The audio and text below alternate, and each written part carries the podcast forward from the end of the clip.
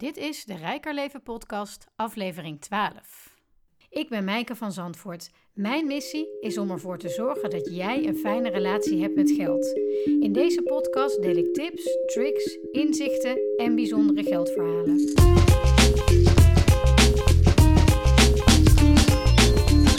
Welkom bij weer een nieuwe aflevering van de Rijker Leven podcast. Vandaag interview ik Kim de Jong van House of Tax. Welkom Kim. Ja, dankjewel. Um, ik ben bij jou op het spoor gekomen omdat ik op Facebook een pagina zat, Let's Talk About Tax. En dat vond ik zo ontzettend grappig um, uh, bedacht. Um, en toen ik op jouw site ging kijken, werd ik meteen fan van je, omdat ik dacht, deze vrouw uh, maakt, uh, maakt belastingen gewoon hip. Is het voor jou automatisch gegaan om het op deze manier aan te pakken? Of had je opeens een epiphany van ik moet dit zo gaan doen? Ja, het is echt heel erg um, gegroeid door de jaren heen. Dus dat gevoel was altijd wel van hè, wat ik nu doe vanuit het traditionele vak van belastingen. En ik heb ook een financiële achtergrond. Dacht ik, um, ja, het, het, is zoveel makkelijker dan het lijkt. Het hoeft allemaal niet zo moeilijk te zijn. En traditioneel gezien vanuit het vak is natuurlijk je kennis is hetgene dat je verkoopt. Dus als je gaat kijken naar uh, veel mensen in mijn vakgebied, lang niet iedereen hoor, maar die hebben zoiets van: ja, dat is wat ik moet beschermen, dat is wat ik verkoop. Dus dat is hetgene wat ik voor mensen uit handen neem, wat ik voor ze doe. En dat is het. En ik had zoiets van: nee, ik vind het juist super belangrijk als mensen zelf kunnen nadenken over hun belastingen. Uh, dat ze weten waar het over gaat. Je bent immers ook zelf, hè, wettelijk gezien, ook gewoon verantwoordelijk. Wie ook je aangifte doet. Uh, en zeker ook als je wilt groeien, hè, privé of in je onderneming, dan is het gewoon zo belangrijk dat je daar iets van af weet. Je hoeft echt niet alles te weten. Zolang je maar weet van hè, dit kan ik zelf doen en op dat moment moet ik het gaan uitbesteden. Dus vanuit die gedachte ben ik uh, begonnen. En even nog een stukje terug, want bij belastingadviseur denk ik toch een beetje 50 plus man, jasje, dasje, met een kantoortje, met een, wat, wat uh, uh, mensen eromheen. Want hoe ben jij in dit vak überhaupt gerold? Wat was je fascinatie? Ja, nou, mijn fascinatie was eigenlijk gewoon dat ik er zelf geen snars van begreep. Dus ik heb altijd in de financiën gewerkt, dus hè, als boekhouder, echt voor grote multinationals ook. Daarin heb ik ook financiële processen opgezet. Uh, dus eigenlijk ook hè, die vertaling en de, het vertalen tussen IT naar financiën, vanaf financiën naar, uh, naar sales of naar HR. Dus dat uitleggen, dat zat er altijd wel in. En, en je was dus ook al vanaf het begin je studie uh, geïnteresseerd in cijfertjes? Ja, dat heeft altijd wel ingezeten. Hè? Dus de, de processen en de cijfertjes, dat vond ik machtig interessant. En dat is iets, dat zit erin of dat zit er niet in. Uh, heeft misschien ook wel een stukje met controle te maken. Hè? Dat je, je hebt dan toch echt controle over dingen. Maar uiteindelijk, ja, hè, dat ligt je of je ligt het, het ligt je niet. Um, nou, vanuit daar had ik dus zoiets van, nou, ik wil heel graag zelfstandig gaan ondernemen. En toen uh, kreeg ik dus te maken met, uh, met een belastingaangifte. Privé in eerste instantie, ik was nog geen ondernemer. En toen had ik een soort van gevoel van onmacht. Of gevoel van, ik snap het niet. En in eerste instantie was het ook van ja, maar ik werk in financiën en dit snap ik niet. Ik begrijp er echt helemaal niets van. Dus ben ik maar belastingrecht gaan studeren, as you do, omdat ik zoiets had van ja, ik wil uh, groots kunnen ondernemen. Ik wil wel echt hè, entrepreneur worden. Dus iemand die dus uiteindelijk meerdere bedrijven gaat opzetten. En uh, ik heb heel veel interesse in cijfers. Ik heb heel veel interesse in die wetten. En ik denk dat ik wel de juiste persoon ben om dus echt die gorddroge teksten en regels om te gaan zetten naar iets wat heel erg leuk is. En dat was heel erg spannend, zeker in het begin, omdat ik uh, natuurlijk nog geen 20 jaar belastingadviseur was. En het is dan echt heel erg spannend om dan toch een markt te gaan openbreken. En ik zie het nu ook nog wel, want ik ben aan de ene kant ben ik heel erg outgoing en, uh, en sociaal. En aan de andere kant ben ik ook wel heel erg op mezelf. En dan kom ik natuurlijk op zo'n bijeenkomst terecht met uh, 200 belastingadviseurs. En dan ben ik de enige met tatoeages en pastelkleurig haar. Dus je springt er gewoon uit. En mensen uh, spreken je daardoor ook wel sneller aan. Maar dat is ook best wel een beetje spannend. En zeker als je net begint, om dan toch zo erg uit je comfortzone te stappen. En uh, je hebt natuurlijk met de verschillende beroepen is dat al heel erg spannend. Als het gaat om belastingen of hè, boekhoudingen, dan zijn de regels vaak gewoon zwart-wit. Dus of je antwoord is goed of, of het is fout er zit niet zo vaak een mening tussen. Dus dat was super spannend in de eerste jaren. En daar ben ik nu wel overheen gegroeid. Ja, en ik kan me voorstellen dat als je wil ondernemen, dat het ook een voordeel is om daaruit te springen. Enorm voordeel, ja.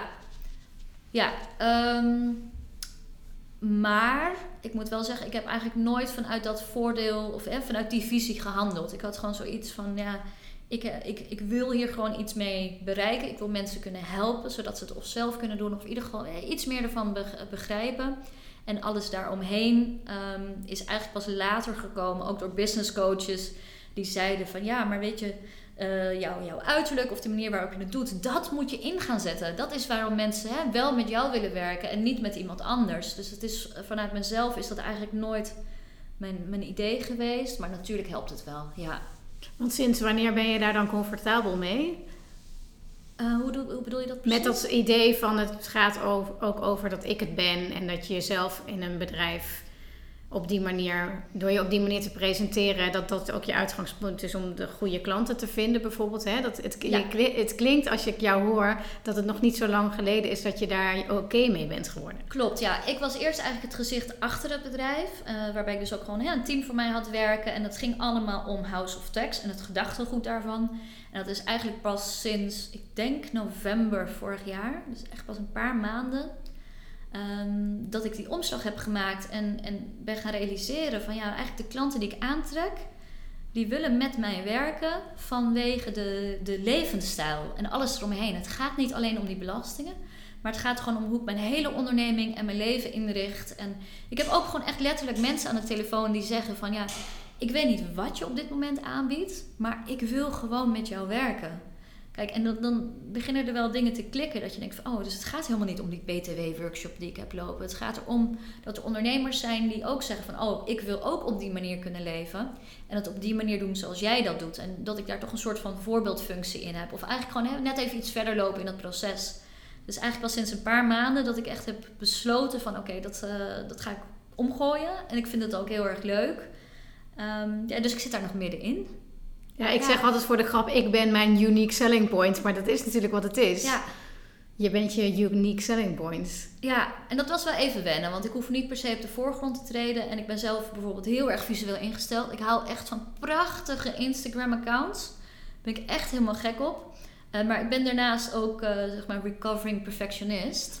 Dus het moest altijd perfect. En daardoor kwam er bijna niks uit mijn handen. Want ik, ik wachtte echt tot alles perfect was. En nu uh, weet ik dat dat niet per se hoeft. Maar ik, ik, er komt wel die struggle weer terug. Dus hè, als het dan op mij als persoon gaat. Oh, dan moeten er perfecte foto's van mij op, uh, op Instagram staan. Of fotoshoots of dingen. En dan denk ik van ja, dat past dan weer niet helemaal bij me. Dus het is nog altijd nog een beetje zoekende daarin. Hè? Dus en hoe ziet je bedrijf er nu uit? Want je, hebt, je zegt ik heb mezelf wat meer naar de voorgrond geplaatst. Maar je hebt nog steeds hetzelfde team waar je mee werkt? Ja, dus ik heb mezelf echt helemaal uit dat boekhoudproces gehaald. Dus ik uh, verzorg zelf geen boekhoudingen. Verzorg ook geen aangifte. Maar ik ga wel echt heel erg op, dat, ehm, ja, op, die, op die levensstijl zit ik. Hè? En echt het ondernemen. Dus gewoon van A Want even die, weet, die levensstijl. Want je zegt mensen komen bij mij omdat ze ook op die manier willen leven. Maar voor de luisteraars die jou niet kennen, weten natuurlijk helemaal niet wat dat dan is. Ja, dat is dus uh, voornamelijk mensen die locatie onafhankelijk willen werken. En daarnaast uiteindelijk ook financieel onafhankelijk willen, willen werken. En ik ben zelf natuurlijk ook nog een beetje aan het kijken van nou, wat is dan precies hè, die, dat, dat, dat stukje waarom ze dan bij mij willen zitten. En uh, op dit moment dan uh, ja, focus, me, focus ik me daar niet te veel op, maar doe ik gewoon lekker mijn ding. En ik denk dat dat het misschien ook wel is. Ik doe gewoon hè, vanuit wat voor mij goed voelt, creëer ik dingen en ik uh, laat daarbij die, die zorgen om dat geld zeg maar los. En ook als ik doelen stel. Ik ben natuurlijk financieel adviseur. Maar mijn doelen die ik stel, die komen niet vanuit... Ik moet dit jaar uh, zoveel gaan omzetten. Dus ik moet elke maand hè, zoveel van die producten verkopen. Dat is uiteindelijk wel wat ik gebruik als een soort van meetinstrument. Maar het is niet, um, geld is niet de drijfveer zeg maar, om steeds verder te groeien. Ja, want je zegt ik laat geldzorgen los. Want misschien is het misschien een misvatting van mensen dat als je uh, goed bent uh, met financiën, dat je dan op persoonlijk vlak ook een goede relatie hebt met geld. Um, kan, je, kan je eens vertellen hoe dat met jou uh, zit? Mijn relatie met mm -hmm. dat geld. Ja, ik maak daar echt nog steeds elke dag enorme stappen in. En die enorme stappen maak je ook als je er gewoon bewust dagelijks mee bezig bent natuurlijk. maar ik kan een klein voorbeeld geven. Um, dat ik voor mezelf, mezelf weer heel erg tegenkwam op het moment dat ik heel hard had gewerkt en heel veel, eh, een heel groot project had binnengehaald. En dit was vorige maand, dus het is echt niet lang geleden. Heel groot project had binnengehaald. En uh, uiteindelijk ben ik daar niet voor betaald. En dat kan natuurlijk zijn, hè, als het om kleinere bedragen gaat, dan ga je gewoon een, uh, een traject daarvoor in. maar dit ging om zo'n danig groot bedrag. Ik denk dat we momenteel rond de 32.000 euro zitten, wat nog open staat. Dat ik dus in mijn cashflow in de problemen kwam. En dat het zorgt voor zoveel gevoelens en blokkades. Aan de ene kant denk je van ja, ik ben die financieel adviseur. Hè, en ik heb het over, over, financiële planning en buffers en potjes. En nu heb ik dat geld zelf niet.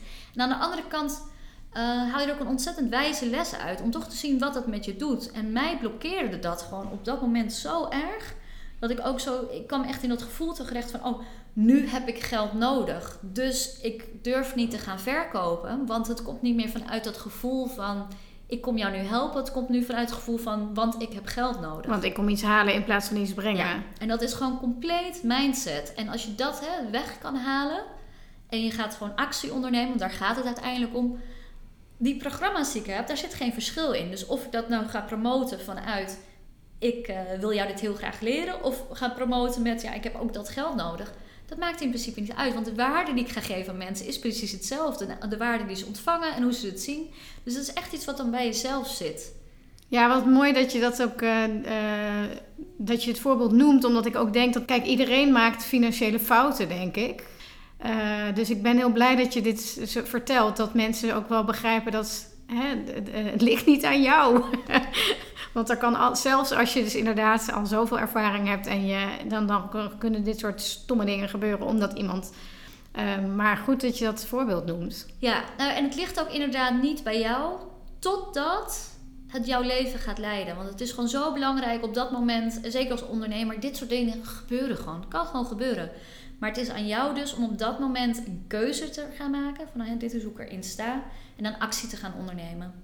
En dat betekent echt niet dat je enorm grote hè, uh, programma's moet gaan maken. Of dat je uh, alles in de sale moet doen. Of dat je maar in loondienst moet gaan werken om het op te lossen. Maar het gaat er gewoon echt om dat jij gewoon echt je stinkende best doet. Om dan elke dag stappen te zetten. En ook die communicatie open te houden. Um, hè, om, om daaruit te komen. Dus dat is echt het allerbelangrijkste. En ik denk dat als het gaat om geld. Dan gaat het ook gewoon heel vaak om eerst jezelf te begrijpen. Hè? Als je, als je, bijvoorbeeld als je een trigger hebt, omdat er iets gebeurt van waarom voel ik me zo? Oké, nou interessant dat ik me zo voel. Uh, als ik me niet zo zou voelen, wat zou ik dan nu doen? En dat is de actie die je gaat nemen. Ja. Dus je handelt niet vanuit emotie, maar echt gewoon hè, vanuit hetgene nog steeds waar je naartoe wilt groeien. Ja, want dat vind ik altijd zo fascinerend. Dat, men, dat geld en emotie zo dicht bij elkaar ligt. En, en dat het zo dicht bij jezelf staat. Terwijl mensen plaatsen het heel ver weg van zichzelf of wie ze zijn. Of hoe ze over alle... Zich zo van, ja, ik heb mezelf en ik heb geld. En dat is dan ergens anders. Ja. Uh, uh, terwijl het juist wat je zegt van... Zo, du moment dat er iets onverwachts gebeurt... Of het nou positief... Het kan ook zijn dat je de loterij wint. Dat maakt helemaal niks uit. Het kan positief of negatief zijn. Maar het doet meteen juist op emotioneel vlak zoveel met je. Ja. Ja, is dan toch dat heel veel mensen toch hun zelfvertrouwen uit, uit geld halen. Hè? Of de, de status van een bankaccount. Um, maar ook dat, toch dat verantwoordelijkheidsgevoel. En zeker bij vrouwen zie ik dat heel erg. Dat toch die verantwoordelijkheid erin zit. En natuurlijk heb je verantwoordelijkheid, want je moet wel je huur kunnen betalen in. Hè? Je moet je kinderen te eten geven en zo. Dus die verantwoordelijkheid zit er zeker. Maar wat ik dus zie is dat het mensen zodanig kan blokkeren daarin dat ze geen actie meer ondernemen. Of hè, vinger naar iemand anders wijzen en, dat, en het daarbij laten. en jouw advies is: kom in de actie. Dus kijk naar wat er gebeurt, maar ga daarna niet zitten te huilen in een hoekje. Maar bedenk welke actie je kan ondernemen om weer uit het gevoel te komen. Ja, de huilen mag. Moet je ook zeker doen. Als je, dat, mag echt, doe ik zelf ook. Als, als iets echt compleet finaal misgaat, gewoon eerst even een potje janken, is dat eruit. En wat ik dus mijn eigen uh, ja, klanten ook aanraad en zelf dus ook doe, is dus dat ik merk van hé, hey, hier, zit een, hier zit dus die trigger in. En dan ga ik gewoon zitten en dan schrijf ik eerst alles op wat me dwars zit. Misschien heeft alles niet eens hè, met dat geldsaldo te maken. Maar er zijn gewoon meerdere dingen die bij elkaar komen. Dat is heel vaak. Ik schrijf alles op wat me dwars zit. En vanuit daar uh, ga ik dus opschrijven van uh, wat zou ik nu doen als ik me niet zo zou voelen. Of ik ga kijken van nou, zijn dit feiten? Of zijn dit hè, gewoon gedachten die een beetje een loopje met mij hebben genomen? En, en klopt ja, is dit van? waar? Dat is een Ja. belangrijke vraag om te stellen, ja. Ja, en vanuit daar inderdaad gewoon in de actie. En ehm, nou, ik kan je vertellen, bijvoorbeeld vorige week had ik daar helemaal geen zin in. En dat mag ook best, dat heb je wel eens. Eh, maar als je wilt groeien hè, en als je wilt blijven ondernemen, ben je altijd in beweging. Ben je altijd wel bezig met groei ook. En dat betekent echt niet dat je miljoenen of miljarden wilt gaan verdienen. Maar je moet het natuurlijk wel gewoon levend houden. Dus wat ik dan doe als ik echt geen zin heb, dan zet ik gewoon een timer aan. eh, van 25 minuten. En dan heb ik een lijstje gemaakt met dingen die ik moet doen. Dan gaat die timer aan en dan knal ik dat er allemaal doorheen. En dan is het wel gedaan aan het einde van de dag. Dus de ene- op het ene moment kan het allemaal vanuit flow gaan. Hè? Dat het gewoon echt lekker voelt. En dat ik gewoon ontzettend veel bereikt heb op een dag. Gewoon vanuit lekker in mijn vel zitten. En mocht het op een dag niet zo zijn, ja, jammer dan. Zoals Gary Vaynerchuk says, nobody cares about your feelings. Ja. Ehm, dat, is gewoon, dat is gewoon waar. En dat is wel dan misschien een harde waarheid, maar dat is zo. Dus ga gewoon zitten en, en, en ja, rond gewoon je taken af.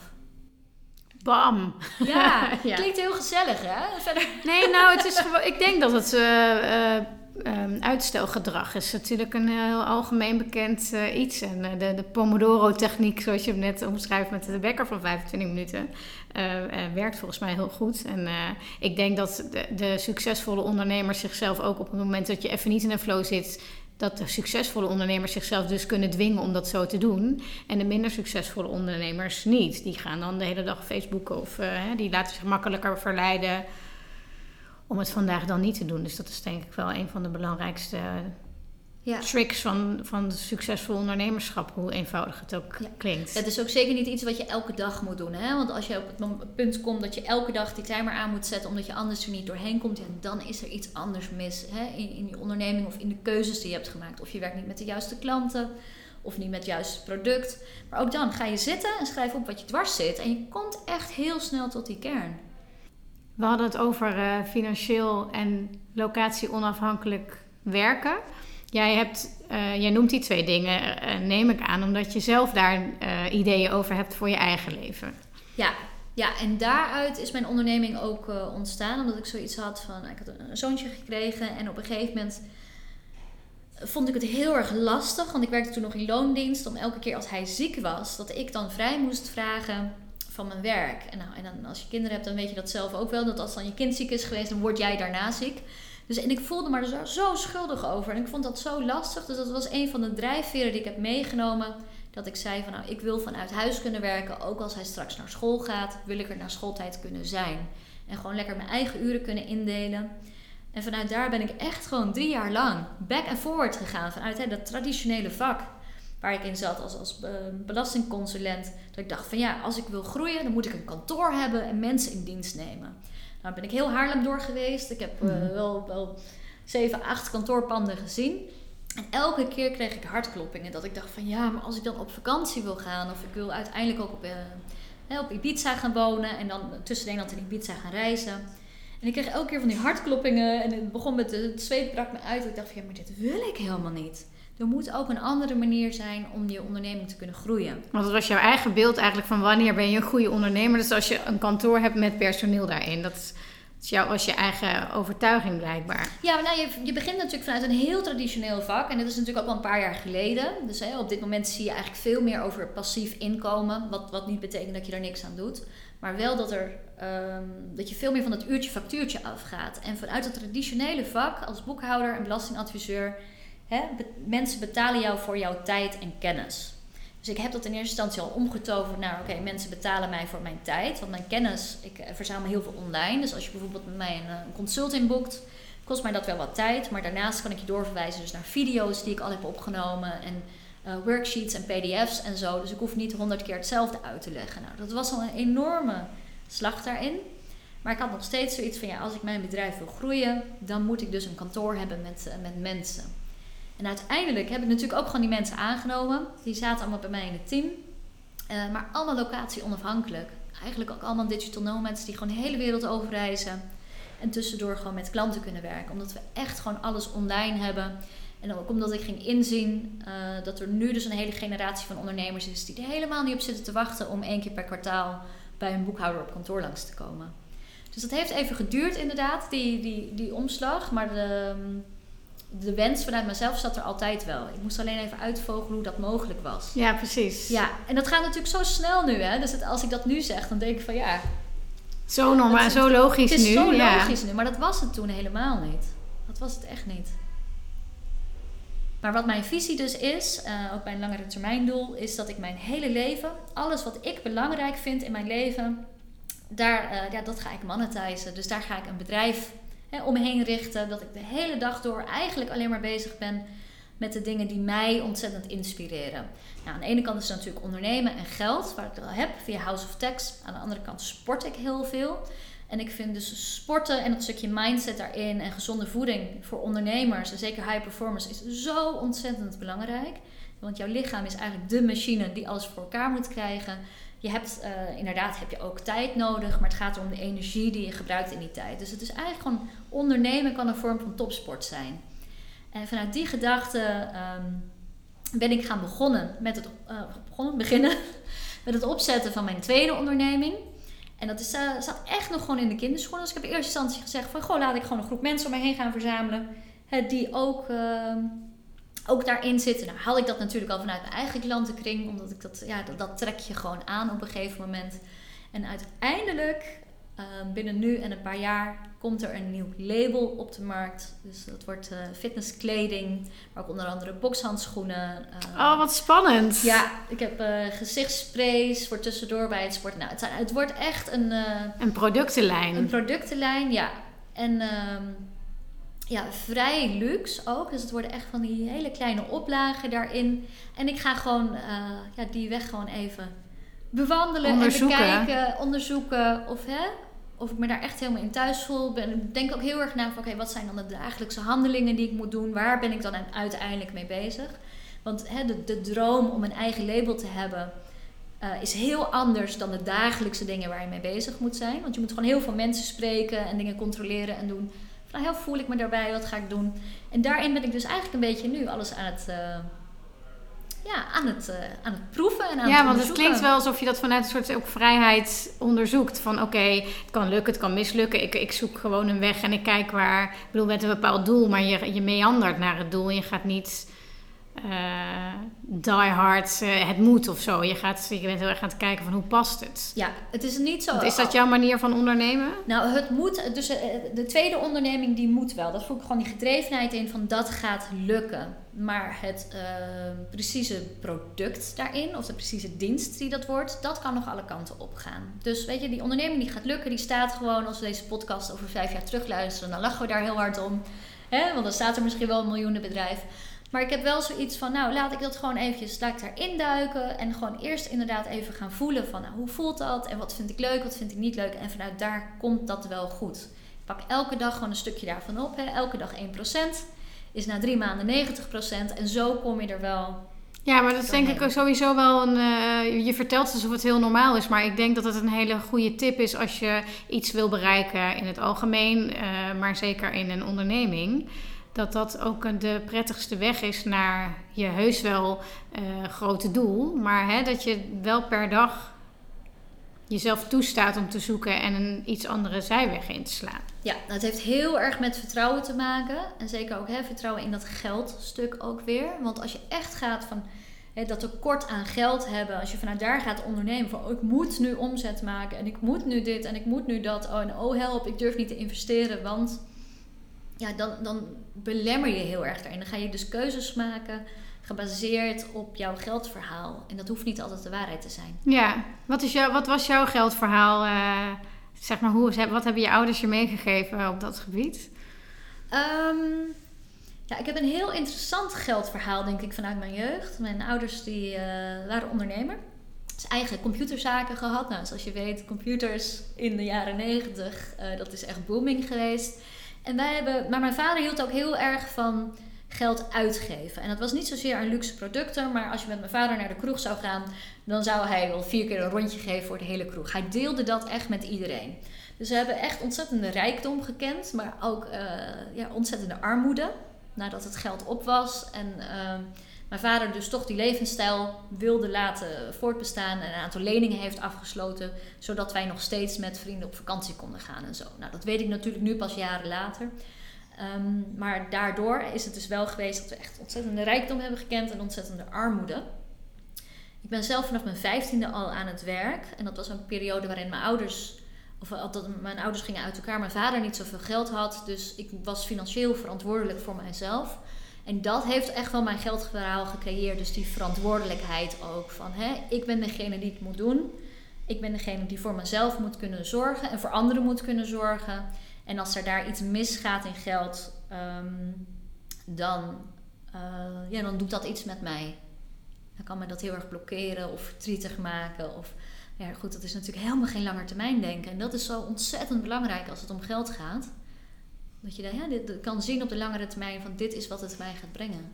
Ja, en dat je ook beseft dat je een geldverhaal hebt. En een bepaald idee hebt over geld, wat gewoon bij je hoort, omdat je dat nou eenmaal zo hebt meegekregen. Maar dat je daar ook weer van kan loskomen, vind ik zo mooi. En dat vind ik altijd, dat is wat ik met Rijker Leven ook probeer. Van het besef aan mensen geven van hoe jij over geld denkt, dat komt ergens vandaan en het hoeft niet zo te blijven. En kijk waar het je helpt, want het kan je, een, verantwoordelijkheidsgevoel is ook een heel positief ding. Hè? Dat, je zorgt dan ook goed eh, voor jezelf en je zorgt dat je nooit eh, in de, in de financiële shit eh, terechtkomt. Hè? Meer dan een ander wellicht. Dus er zitten ook positieve kanten aan elk geldverhaal. Maar dat besef van die twee kanten en hoe kan ik mijn sterke kanten versterken en de moedigere kanten een nieuw verhaal voor in de plaats zetten. Dat ja. is uh, wat ik. Uh... Ja, en het is ook zo gekoppeld aan de cultuur waarin je bent opgegroeid. We hadden laatst hadden we een uh, bijeenkomst van de Profit First Professionals. Nou, dat is uiteindelijk is het natuurlijk een Amerikaans bedrijf. Dus Ron Saharian, eigenlijk de nummer twee na Mike, die was over in Nederland. En toen hebben we dus ook gezegd van hè, vanuit je jeugd, wat heb je meegekregen over geld? En hij schrok daar zo erg van dat wij kwamen met dingen als geld groeit niet aan bomen, voor een dubbeltje op de eerste rang willen zitten. Dat soort Hij zegt, nee, dat heb ik nooit meegekregen. Hij is Amerikaans. Voor hem is ja, the sky is the limit. The American Dream. Alles is mogelijk. Geld groeit zeker wel aan bomen. Je kan geld overal vandaan halen. En gewoon alleen maar door, door dat mee te nemen, die gedachte, staan die mensen gewoon al zoveel sterker in hun verhaal. En je ziet dat ook, want als, een, als je een Amerikaanse spreker hebt, die gaan staan en dat zelfvertrouwen zit erin. En mocht de inhoud wel of niet kloppen, dat maakt niet uit. Hè? Dat, dat verhaal komt met zoveel passie eruit en zoveel zelfverzekerdheid. Dat, dat, het staat gewoon. Ja. Ja, ik vind het echt prachtig om te zien. Ja, en ik merk dus, want ik heb natuurlijk zelf nu ook een, eh, een, eh, een zoontje, die is nu net zeven geworden, dat ze bepaalde dingen die ik zeg over geld of hè, abundance, er is altijd genoeg, Um, dat het heel erg impact op hem heeft. Je hebt bijvoorbeeld met, met kinderen al heel snel dat als je een, een, een, schaaltje chips neerzet, dat ze gaan graaien. Dat het zo snel mogelijk op moet. Want hè, schaarste, anders is het weg. En ik heb hem altijd meegegeven van er is altijd voldoende. Er is altijd genoeg. Ook als we in een restaurant zitten, waar we ook zijn, maak je geen zorgen. Er is altijd voldoende. En dat maakt ook dat hij bijvoorbeeld als hij een reep chocola krijgt, dat hij dat deelt met anderen. Want hij weet, er is altijd meer. Mocht ik dat echt willen hebben, dan is er altijd meer. En ik zie gewoon in zijn gedrag dat het hem ehm, anders maakt dan andere kinderen. Op dat gebied. Hè. Verder is het natuurlijk gewoon een jongen van zeven.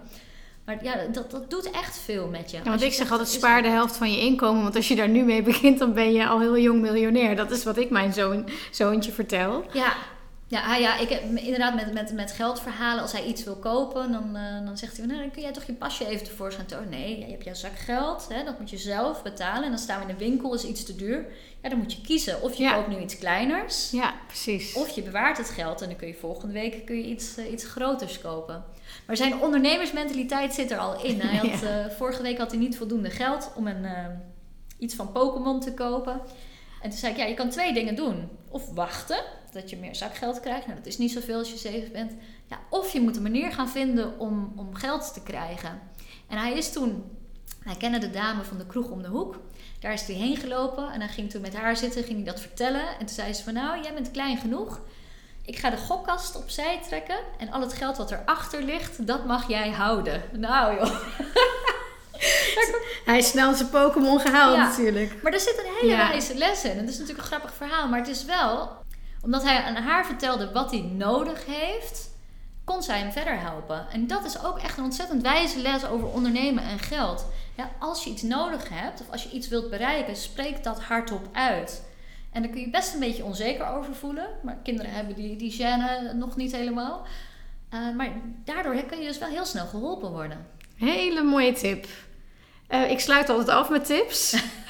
Dus uh, de eerste heb je gehad. Wat, wat uh, in het, als je denkt ook aan je eigen klanten, van wat zijn nou, waar zij mee worstelen of wat ze tegenkomen, wat zijn nou een aantal tips die je kan geven waar de luisteraar gewoon vandaag nog mee aan de slag kan?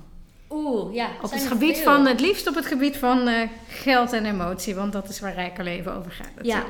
ja, als het gaat om geld en emotie, dan zou ik inderdaad. Um, toch beginnen met een systeem zoals bijvoorbeeld Profit First, hè, waarin je dus heel makkelijk inzicht krijgt in hoe jouw cashflow loopt. Waardoor je ook echt de waarheid gaat zien. Want heel vaak denken we van nou, hè, het loopt op die manier of het, het, loopt zo en ik voel me er goed bij, ik voel me er niet goed bij. Maar hebben mensen geen duidelijk overzicht van wat nu de waarheid is. En het is niet zo dat je je daardoor moet laten leiden. Maar het is wel zo dat het hè, inderdaad zo'n meetinstrument, een meetlat is van oké, zo sta ik er nu voor. Maar eigenlijk zeg je, uh, uh, durf naar je financiën te kijken. Durf ja. gewoon überhaupt te kijken naar hoe het ervoor staat. Ja, en dat is niet je resultaat. Hè? Dat zegt niks over jou. Dit is jouw beginpunt. Je nulmeting. Ja, dit is hoe je er nu voor staat. En vanuit daar gaat het dus om keuzes maken. Hè? En als je bijvoorbeeld geld wilt, uh, meer geld wilt hebben, nou, dan kun je of geld besparen of je moet meer geld maken. Meer keuzes zijn er niet. Dat is één van de twee. Zo moeilijk is het niet. En vanuit daar ga je zeggen van nou, hè, kan ik geld besparen? Maak je een overzicht. Waar kun je besparen? Of je zegt ik moet geld gaan verdienen. En als je die keuze daarin maakt, ja, ga daarmee dan aan de slag. Ga iets doen wat je leuk vindt. Ja. En uh, voor, verkopen, geld verdienen, het is zo simpel. Je hoeft het alleen maar mensen te laten weten. Dit is wat ik bied, dit is wat ik doe. Dus je hoeft echt geen hele verkooppraatjes te houden en volledige webinars of hè, salescampagnes op, op Facebook op te zetten. Je hoeft alleen maar te laten weten van dit is wat ik nu aanbied. Dat is het. Dus het is echt super makkelijk zodra je dus die emotie er helemaal uittrekt. Dus ja, tip 2. Verlos jezelf van emotie. Je mag het best wel voelen, maar hè, zakelijk gezien als het om geld gaat, ja, laat dat gewoon los. En tip 3? Tip 3. Jeetje, ja. Tip 3. Ik overval je er natuurlijk mee, want uh, soms uh, worden interviews zo goed voorbereid dat, uh, dat, het, dat het van tevoren duidelijk is dat er drie tips moeten komen. Dus voel je niet bezwaard om even na te denken. Ja, nou ja, Wat is jouw eigen grootste les de afgelopen jaren geweest wat dat betreft? Mijn we hadden het bijvoorbeeld nog over, ja, we hadden bijvoorbeeld ook nog over van dat je familie je misschien ook klein kan houden of kan zeggen van nou wie denk je nou wel niet dat je bent. Maar ja, ja dat is, eh, is wel een hele grote stap om je daarvan te willen loszingen. Ja, maar dat hoeft natuurlijk ook niet. Hè? En, en, en je kan ook gewoon zeggen van nou, dat, dat is mijn familie. En de reden waarom mensen dat zeggen tegen je, zeker je naaste, is vaak om jou te beschermen. Hè? Dus het is helemaal niet zo dat, dat ze het je niet gunnen. Als ze zeggen joh, zou je dat nou wel doen? Is dat vaak gewoon vanuit bescherming. Dat ze denken van oh, misschien gaat het fout. En dan wordt ze heel verdrietig of raakt ze dingen kwijt.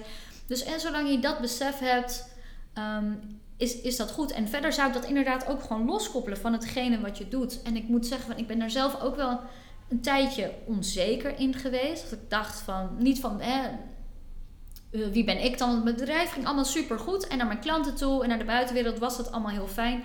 Maar ik durfde daar niet zo goed over te praten met mijn, hè, met mijn, mijn vrienden en mijn familie. Omdat ik dacht van ja, zien ze me aankomen. En ik merk nu dat hè, vanuit die kring dat ik juist heel veel complimenten krijg. Dus hè, in, die, in de beginfase was het allemaal een beetje van ja... Zorgen maken. Ja, uh, werk je niet te hard is het dan in mijn geval. Werk je niet te hard is het allemaal niet te veel. Nee, komt goed. Hè? Je, je gaat het zien. En nu, nu op dit moment krijg je dus heel veel complimenten. Maar ook wel de vraag van, wil je mij verder helpen? Ik zie dat je het zo goed doet. Dus ook dat heeft gewoon echt weer met keuzes te maken. En jezelf vastbijten in je ideaal. Dus laat je vooral niet te veel afleiden door de meningen van anderen. Uh, maar, maar doe ook echt gewoon hetgene wat goed voelt bij jou. Nou, dan hebben we tip 3, hè? Ja. Kim, uh, waar kunnen mensen jou vinden? Mochten ze je nodig hebben. Overal op internet. Nou ja, voornamelijk voor geldzaken zou ik kijken op de Facebookgroep Let's Talk About Tax. Daarin gaan we dus ook echt het praktische deel in. En het is gewoon super gezellig. Echt super gezellig. Onwijs veel leuke, nou, voornamelijk onderneemsters die er zitten. Uh, houseoftax.nl natuurlijk. En als je meer wilt weten over mij en mijn levensstijl en alles daaromheen. En natuurlijk ook hè, het nieuwe fitnessmerk wat er aankomt. Dan is het bij Kim de Jong op Facebook en Instagram. Super, dankjewel voor al je mooie verhalen, Kim.